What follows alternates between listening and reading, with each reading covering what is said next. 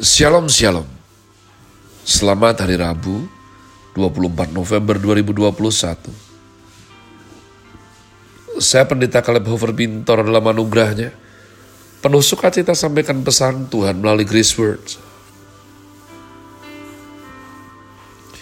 Yaitu suatu program renungan harian yang disusun dengan disiplin. Kami doakan dengan setia supaya makin dalam kita beroleh pengertian mengenai iman, pengharapan, dan kasih yang terkandung dalam Kristus Yesus. Sungguh merupakan kerinduan saya bagi saudara sekalian, agar supaya kasih kuasa firman Tuhan setiap hari tidak pernah berhenti menjamah hati, menggarap pola pikir, dan paling terutama kehidupan kita boleh sungguh berubah menuju Christ likeness masih dalam season winter dengan tema multiply, Grace Word hari ini saya berikan judul Yesaya 11 dan 12. Yesaya Fatsal 11 dan 12. Sebagaimana komitmen baca kitab suci hingga habis, maka hari ini sesuai agenda adalah pembacaan kitab Yesaya. Fatsal 11 dan 12. Raja damai yang akan datang.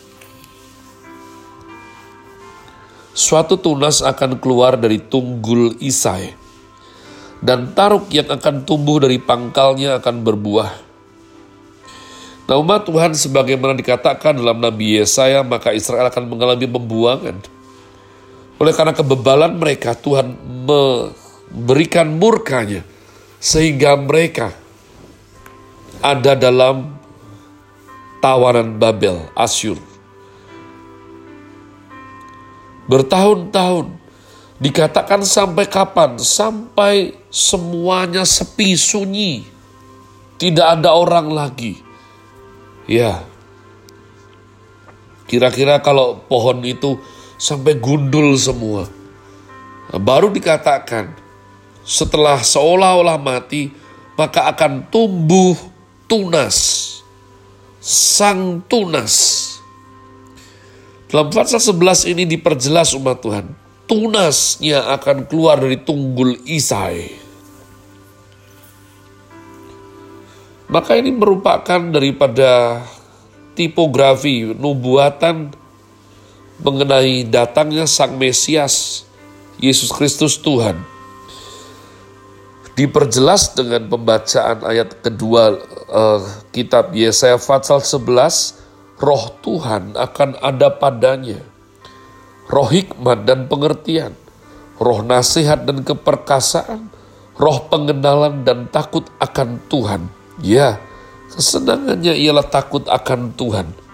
Ia tidak akan menghakimi dengan sekilas pandang saja, atau menjatuhkan keputusan menurut kata orang, tetapi ia akan menghakimi orang-orang lemah dengan keadilan dan akan menjatuhkan keputusan terhadap orang-orang yang tertindas di negeri dengan kejujuran.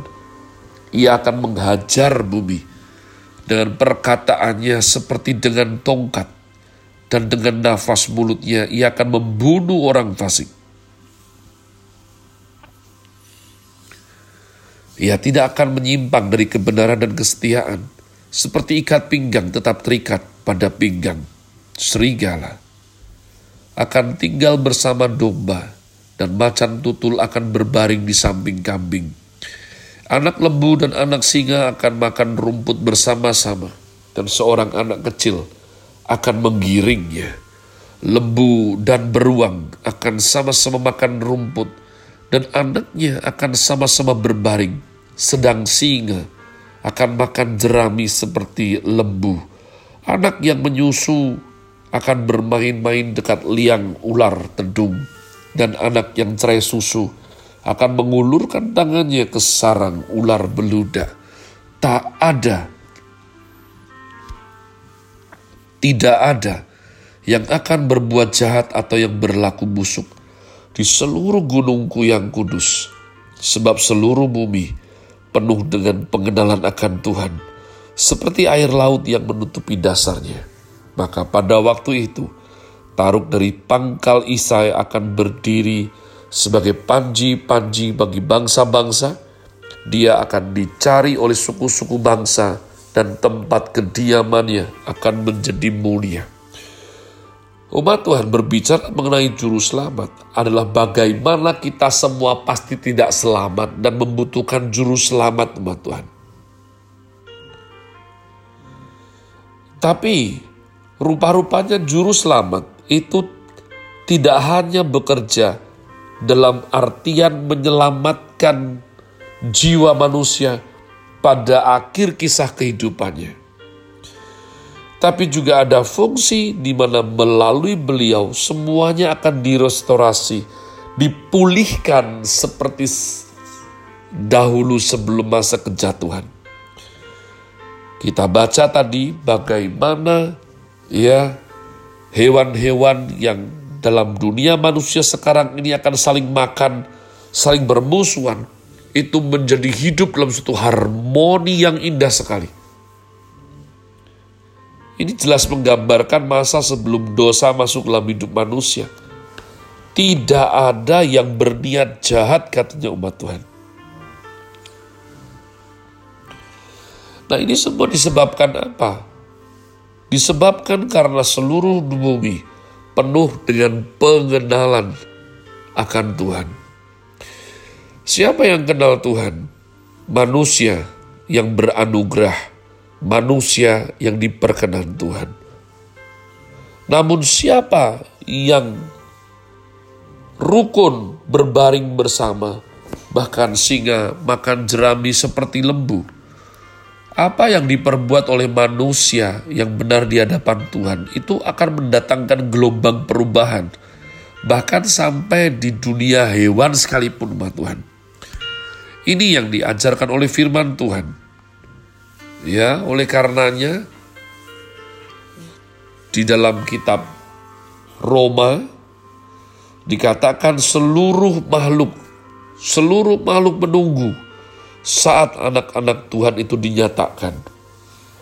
Jadi bahkan kegerakan yang timbul dikarenakan seorang anak Tuhan yang benar itu mempengaruhi kehidupan alam semesta ini, Tuhan.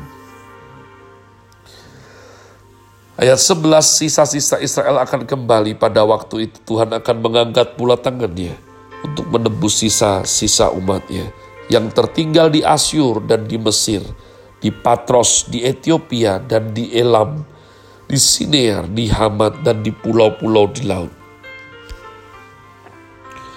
Ia akan menaikkan satu panji-panji bagi bangsa-bangsa, akan mengumpulkan orang-orang Israel yang terbuat, dan akan menghimpunkan orang-orang Yehuda yang terserak dari keempat penjuru bumi.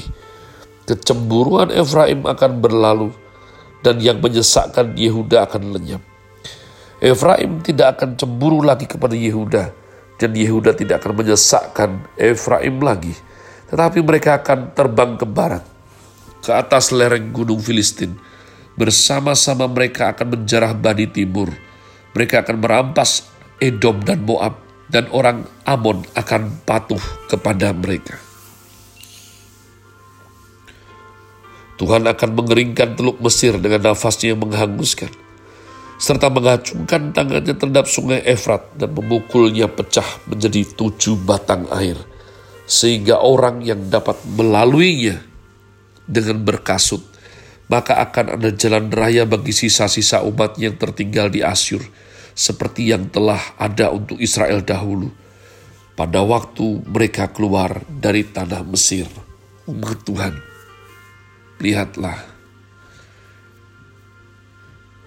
Sejarah dunia membuktikan bahwa bangsa-bangsa timbul tenggelam. Ada bangsa-bangsa yang dulu ada sekarang tidak ada umat Tuhan. Israel. Israel dijaga untuk ada oleh Tuhan. Setelah mengalami berbagai macam hal ini, lihatlah, tetap eksis sampai sekarang, Tuhan.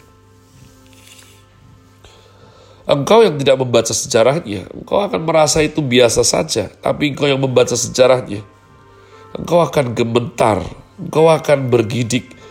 Kalau bukan tangan Tuhan yang kuat, tidak mungkin yang seperti ini terjadi. Nah, umat Tuhan mohon izin saya lanjutkan terlebih dahulu Fatsal 12 ya, kitab Yesaya.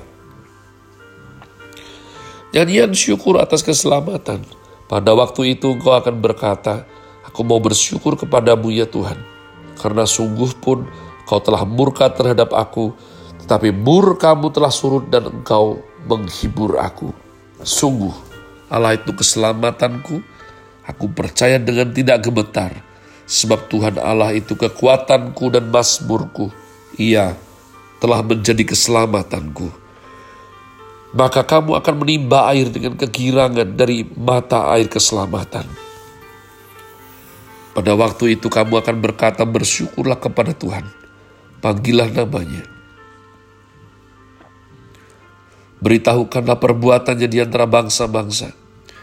Masyurkanlah bahwa namanya tinggi, luhur, bermasmurlah bagi Tuhan, sebab perbuatannya mulia. Baiklah hal ini diketahui seluruh bumi. Bersuruhlah dan bersorak-sorailah hai penduduk Sion, sebab yang maha tinggi Allah Israel agung di tengah-tengahmu. Umat Tuhan, engkau yang percaya Tuhan, engkau yang mengalami tindakan Tuhan, keajaiban Tuhan,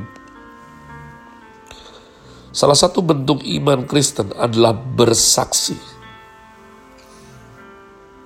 Kalau engkau berkata engkau percaya namun engkau tidak berani bersaksi, maka itu akan menganulir kepercayaanmu, umat Tuhan. Maka dikatakan setelah nubuatan akan Sang Mesias, Raja Damai yang akan datang.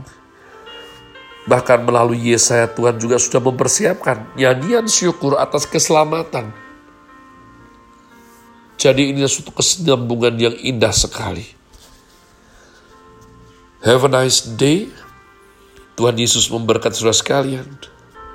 Sola. Grazie.